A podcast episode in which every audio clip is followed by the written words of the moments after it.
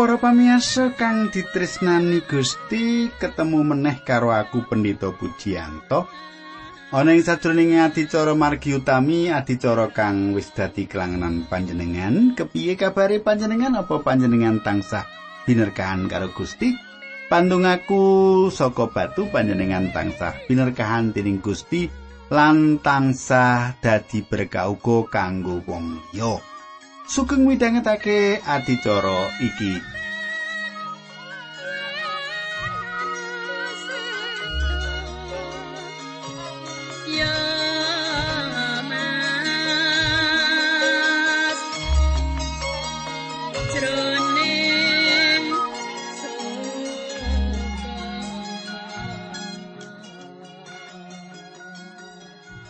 Katengku tak suwun panjenengan ije kelingan apa sing ndak aturake ana ing patemon kita kepungkur. Patemon kepungkur aku wis meratelake nggone nata kemah bangsa Israel pancen ditata kanthi tumata. Tondo-tondo saben taler wis ditempake dewi-dewi kanthi mengkono ora ana wong Israel sing kaslip ing tengahing kemah-kemah liyane. Saiki bakal tak terusake nang sadurunge kuwi ayo padha ndedonga dhisik. Kanjeng Rama ing swarga kawula ngaturaken gunging panuwun menawi wekdal menika kawula saged tetunggilan kalian sedherek kawula ingkang setya midhangetaken adicara menika. Kawula nyuwun tuntunanipun Gusti linambaran asmanipun Gusti Yesus Kristus kawula tunggu. Haleluya. Amin.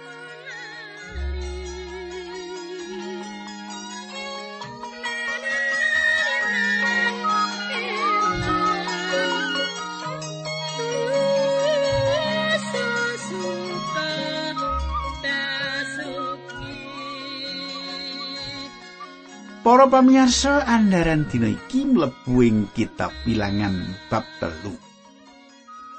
Pasinaon kita ing dina iki kita mlebu ing kitab Bilangan bab telu. Kita bakal mangerteni apa sing ditindakake dening taler Lewi. Taler iki sing ngawasi lan tanggung jawab marang kemah suci.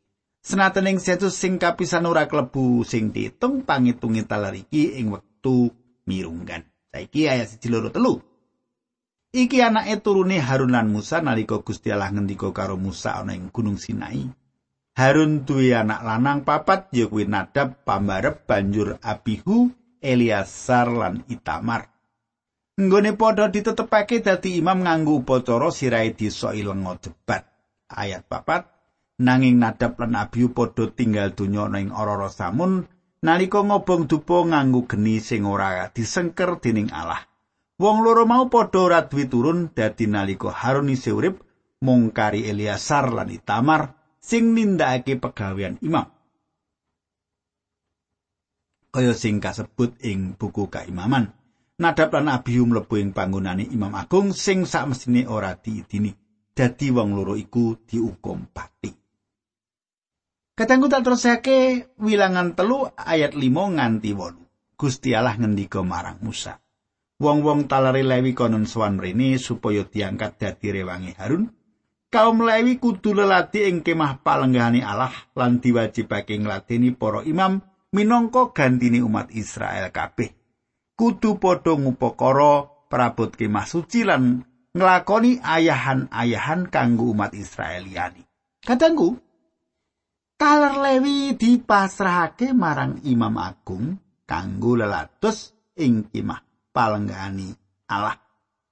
Kita panjenengan anakku kok bisa padha tene dadi imam ing antarane wong pracaya nuli kaaturake marang Imam Agung kita sing sejati. Ing Injil Yohanes Gusti Yesus ngendika ing pandongane coba panjenengan semak Yohanes 17 ayat 6. Kawula sampun ngetingalaken paduka dhateng tiang-tiang ing donya ingkang paduka paringaken dhateng kawula tiang-tiang menika kagungan paduka lan paduka sampun maringaken tiang-tiang wau dhateng kawula tiang-tiang wau sampun pitados dhateng pangandika paduka Saiki kita nerusake wilangan ayat songo. Ringkese kaum Lewi mligi ngladeni Harun lan anak-anake. Yaiku alasane wilangan telu ayat rolas nganti telulas. Kaum lewi kuwi saiki ndak pilih mriki kanggo aku dhewe nalika aku mateni anak pembarape wong Mesir. Aku wis milih anak pembarape saben berayati umat Israel lan anak pembarape kewan-kewani.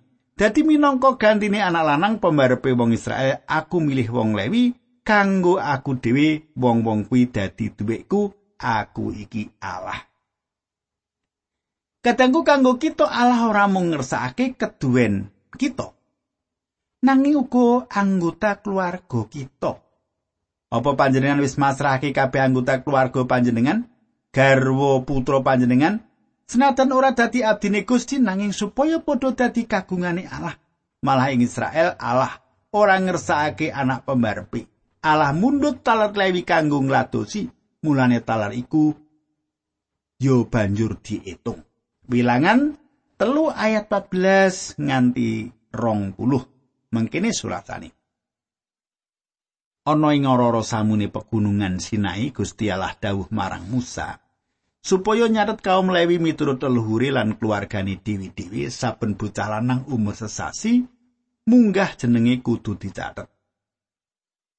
Musa ya banjur nindakake apa sing didhawuhake dening Allah mau. Lewi duwe anak lanang telu ya kuwi Gerson, Kehat lan Merari, wong telu kuwi sing dadi leluhure wong Lewi. Sing nurunake turun telu sing disebut miturut jenenge leluhur siji-sijine. Gerson duwe anak lanang loro ya kuwi Libni lan Semei. Kehat duwe anak lanang papat ya kuwi Amram, Sihar, Hebron lan Usiel. Merari duwe anak lanang loro ya kuwi mahlilan musi kuwi mau kabeh padha dadi leluhure keluarga sing disebut miturut jenenge leluhure dewi-dewi. Kadangku saka talor lewi ana tulung keluarga saka anak-anake yaiku Gerson, Kehat lan Merari. Keluarga Gerson diitung nuli kadawan ngedekake kemah ing burine rada sisih kulon saka kemah palenggahane Allah. Keluarga Merari ngrumati kemah lan penutup gebere kabeh piranti sing ana kemah sak njaba jerone kuwi pangrumate ditangani dening keluargane Gerson saka Tar Lewi ayat selikur lan 16. Keluarga Kehat diitung ngedekake kemah ing sisih kidule kemah palenggahane Allah. Tugas sing ngrimat piranti sing ana jerone kemah palenggahane Allah mau. Mirari keluargane uga diitung lan kemahe ditekake ana sak lore kemah palenggahane Allah. Kewajibane ngurus papane kemah suci saka-sakane kemah kayu sing mujur ing kemah lan samu barang sing gegandingan karo wewangunane kemah klebu tali-tali ing pedalemane Allah. Cara-cara ni bangsa Israel nggone ngumbara ing ora samun kira-kira bisa kita gambarake kemah palenggane Allah iku wungune pesagi padha ombol lan dawane klebu kemah taler lewi ing ubengi isih ana sing wangun pesagi papat sing luwih gedhe sak njabane kemah rolas taler iku. Kemah suci ya palenggahane Allah iku lawange mesti ana ing sisih wetan Harun lan Nabi Musa kemah tangsa ana ing ngarepe lawange kemah mau merari sing sisih lor Gerson ing sisih kulon kehat ana ing sisih kidul. Kemah-kemah mau mangun pesagi papat ing saubengi kemah suci sawise kemah keluarga papat mau nuli kemah Yehuda Isakar lan Jebulan ing sisih wetane. Lan Asur dan lan Naptali ana ing sisih lor, Efraim, Manase lan Benyamin ana ing sisih kulon, nuli kemae Ruben, Simeon lan Gad ing sisih kidul. Mengkono tak suwun panjenengan ngerti, saiki diteruske ayat selikur nganti ayat 6 likur. Mengkini surat sani.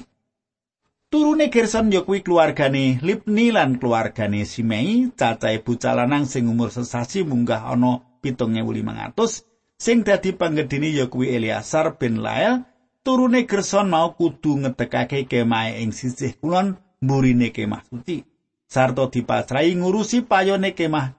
Njaba jero geber ing lawange kemah. Geber-geber ing plataran sing ngubengi kemah lan mesbeh sarta geber ing gapuraning plataran ni. Dadine padha dipasrahi nindakake sakae pegawian sing magepukan karo barang-barang mau. Turune Kehat ya kuwi keluargane Amram, Sikhar, Ibron lan Usiel, cacahe bocah lanang sing umur sesasi munggah ana 8600. Panggedene ya kuwi Elisafan bin Usiel, turune Kehat mau kudu ngedekake kemahe ing sak kidule kemah suci. Kewajibane ngurusi peti perjanjian meja, lampu-lampu mesbeh-mesbeh lan kabeh piranti sing dinggo para imam ing papan suci, semono uga geber ing sasana maha suci, dadine padha dipasrahi ngurusi sakae pegawean sing magepan karo barang-barang mau. Saiki ayat 32 nganti 36. Panggedene taler Lewi ya kuwi Elis Asar anake Harun wong kuwi dipasrahi nata wong-wong sing kewajiban ngladeni ing papan suci. turune marari ya kuwi keluargane mahlilan keluargane musi cacahe wong lanang sing umur sesasi munggah ana 6200 panggedene turun marari ya kuwi Yuriel bin Abihail. Turun marari kudu ngedekake kemahe ing salore kemah suci. Turun marari mau dipasrai ngurusi balungane kemah ya kuwi cagak-cagak blandar umpak lan sake prabuti dadine padha diwajibake nglakoni sake pegawean sing magepokan karo barang-barang mau ayat telung puluh pitu nganti telung puluh wolu. Uga padha dipasrahi ngurusi cagak-cagak, umpak patok-patok lan tali-tali sing ana ing plataran njaba.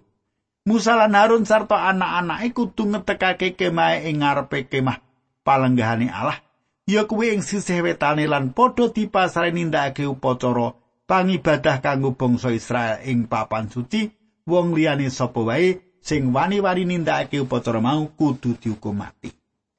Saiki ayat 39 tekan 41. Cacahe wong lanang turune Lewi sing umur sesasi munggah dicatet miturut keluargane dewi-dewi atas dawi Allah cacahe kabeh 22.000. Gusti Allah ngendika marang Musa, "Sakae anak lanang pembarep ing Israel kuwi duweku." Dadi, catetan jenenge saben anak lanang pembarep ing Israel sing umur sesasi munggah. Nanging kanggo ijole aku netepake wong Lewi kabeh dadi duweku. Aku iki Allah lan raja kayane wong Lewi iku ndak tetepake kanggo ijole sake kewan ing Israel sing lair sepisanan.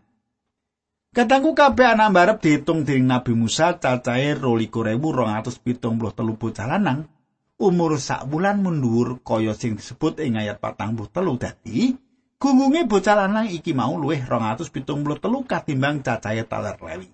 Mula kudu ditebus nganggo limang sikal sloka saben bocah iki mau diwenehake marang Imam Harun lan anak-anake. Kadangku kita mlebu ing bab papat, pasal papat ing pasal anyar iki nggambarake sapa sing ladosi. Kepriye cara anggone lelados lan pira cacahe wong sing padha lelados mau.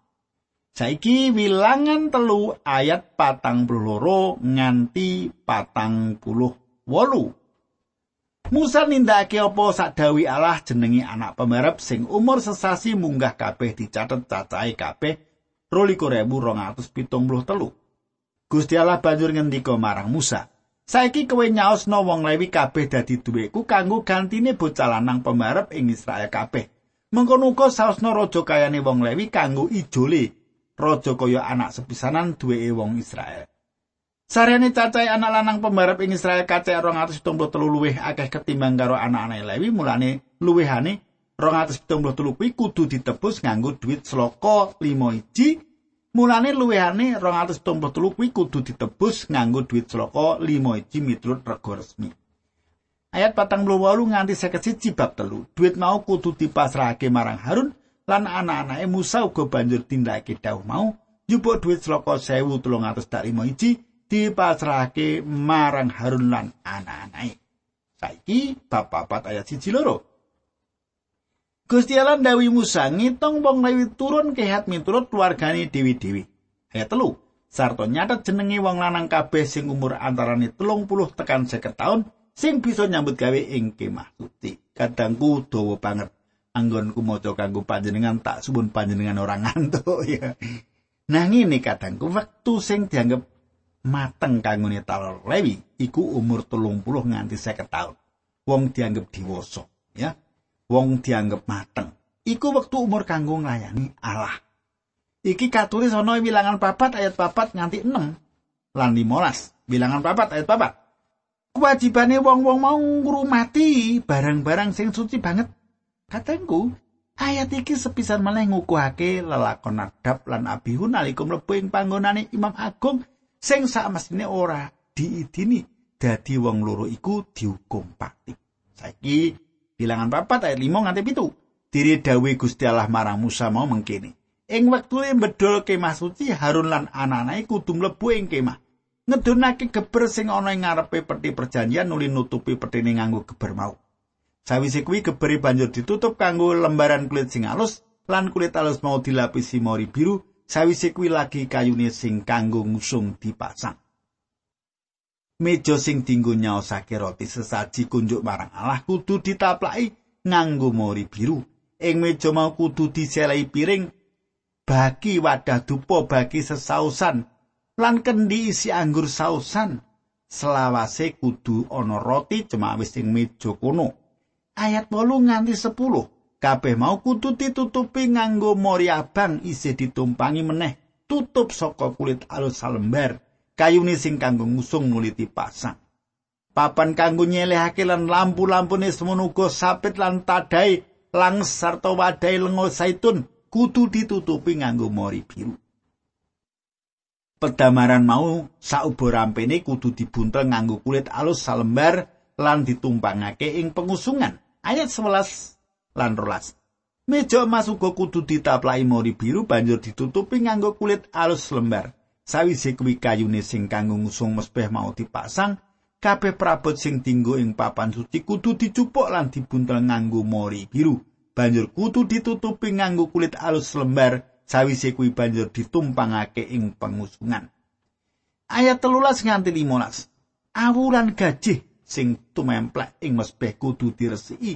Sawise mengkono mesbeh kudu ditutupi nganggo mori wungus lembar. Sakai piranti sing dinggo ing upacara sas kurban ing mesbeh kudu ditumpangake ing kono ya kuwi pedupan garpu cutik lan jembangan kabeh mau kudu ditutupi nganggo kulit alus lembar kayu sing kanggo ngusung banjur dipasang. Yen wis wektune wong kabeh bedol kemahe, turune kehat kudu padha ngangkat lan mikuli barang-barang suci mau, ya kuwi sawise Harun lan anak-anake rampung nggone nutupi barang mau sak prabote kabeh. Wong-wong turun kehat kuwi ora kena ngepok barang-barang suci mau, yen ngepok mesti bakal mati. kaya mengkono kewajibane kaum kehat semangsa kemah suci dielih menyang liya panggonan. Katangku sing bisa ndeleng piranti ana kamar maha suci ku mung Imam Harun lan anak-anake. Piranti-piranti mau ditutup kanthi ati-ati dening Imam Harun lan anak-anake ing ngarepe talar kehat sing banjur digotong nalika pindah menyang liya panggonan. Wilangan papat ayat 6 likur. geber-geber sing ana ing plataran saubengi kemah lan mesbeh geber sing ana ing gapurane plataran lan sake prabot sing dinggo masang barang-barang mau turune gerson dipasare nindakake sake pegawean sing magepukan karo barang-barang mau nuli tali-taline dadi tanggung jawabe keluarga gerson terus ayat 17 nganti ayat 32 Musa lan Harun kudu ngatekake supaya pegawean sing dipasarake dening Harun lan anak-anake marang turune Gerson padha ditindakake ing samestine lan kabeh barang sing kudu digawa supaya digawa. Kaya mangkono kewajibane turune Gerson ing kemah suci tumindake pegawean mau diatur dening Itamar anake Harun. Gusti Allah paring dawuh marang Musa ngitung wong layu turune metari miturut keluargane dewi-dewi. Musa kudu nyatet jenenge wong lanang sing umure antarane telung puluh tekan seket taun sing bisa nyambut gawe ana ing kemah suci. Turun merari kuwi kewajibane nggawa ragangane kemah ya kuwi blander-blander, cagat-cagat sing ana ing plataran saubengi kemah sarta umpak-umpake, patok-patok lan tali-tali karo sakae bekakas kanggo ngetekake saben wong diweni kewajiban nggawa barang sing wis ditemtokake. Kadangku keluarga merari nggotong barang sing abot, kehat nggotong piranti-pirantine, gerson nggawa geber tutup lan tali. Iki gambarane yen Israel pindah menyang liya panggonan. Pindah Israel gumantung anane tugu mega sing wis wiwit munggah saka antarane kemah-kemah. Lan sing nemtokake kapan mangkate kanggo pindah, Nabi Musa lan Imam Harun. Tugu mega iku nggambarake pimpinane Sang Roh Allah marang bangsa iki. Tumrap wong percaya uga mengkono. Coba panjenengan semak Rom 8 ayat 14. Wong sing padha direh dening roya Gusti Allah kuwi para putrane Gusti Allah. Katangku bareng wis sore wis wiwit mandek nggone mlaku kabeh padha nata kemah miturut kewajibane dewi-dewi. Ora ana sing ora duweni pegawean jalanan bengi iki sadurunge kabeh padha ngaso kudu wis rampung penatane kabeh kemah bangsa iki. Cekak ause kabeh wong Israel duweni kewajiban dewi-dewi sing kudu ditindakake kanthi tememen. Semono kita wong percaya ora akeh pegawean sing bisa kita rampungake nanging sepiro gedene kasetyan kita marang tugas sing wis kita ugemi saka peparingi Allah ing peladusan. Kadangku akeh banget ayat-ayat sing kita sinau dina iki ing pasal papat, pasal telu. Nanging tak suwun panjenengan bisa ngetrapake ana urip panjenengan sing baku ya kuwi kasetyan panjenengan nek panjenengan diparingi tugas karo Gusti Allah lumantar majelis gereja utawa lumantar pendito panjenengan. Awit yo iku sing dibutuhake Gusti Allah kasetyan panjenengan. Ora hasile ning kasetyan panjenengan. Apa panjenengan wis ngaturake gunging panuwun marang Allah menawa panjenengan nampani peparingi Allah sesambutan karo peladusan iki? Apa malah panjenengan merengut grundelan waku ditugasi kon melayani moh gitu. Ning ditindakno ning grundelan. Muga-muga panjenengan ora ngono. Ayo kita padha ndedonga bebarengan Tuhalah sesembahan kawula ingkang kawula sambat sebuti wonten ing asmanipun Gusti Yesus Kristus. Kawula ngaturaken gunging panuwun menawi wekdal menika kawula saged tetunggilan lan kawula pasrahaken wonten ing asta paduka Gusti. Kawula nyuwun supados sedherek kawula menika tetep setya dumateng paduka linambaran asmanipun Gusti Yesus Kristus. Kawula tunggu haleluya. Amin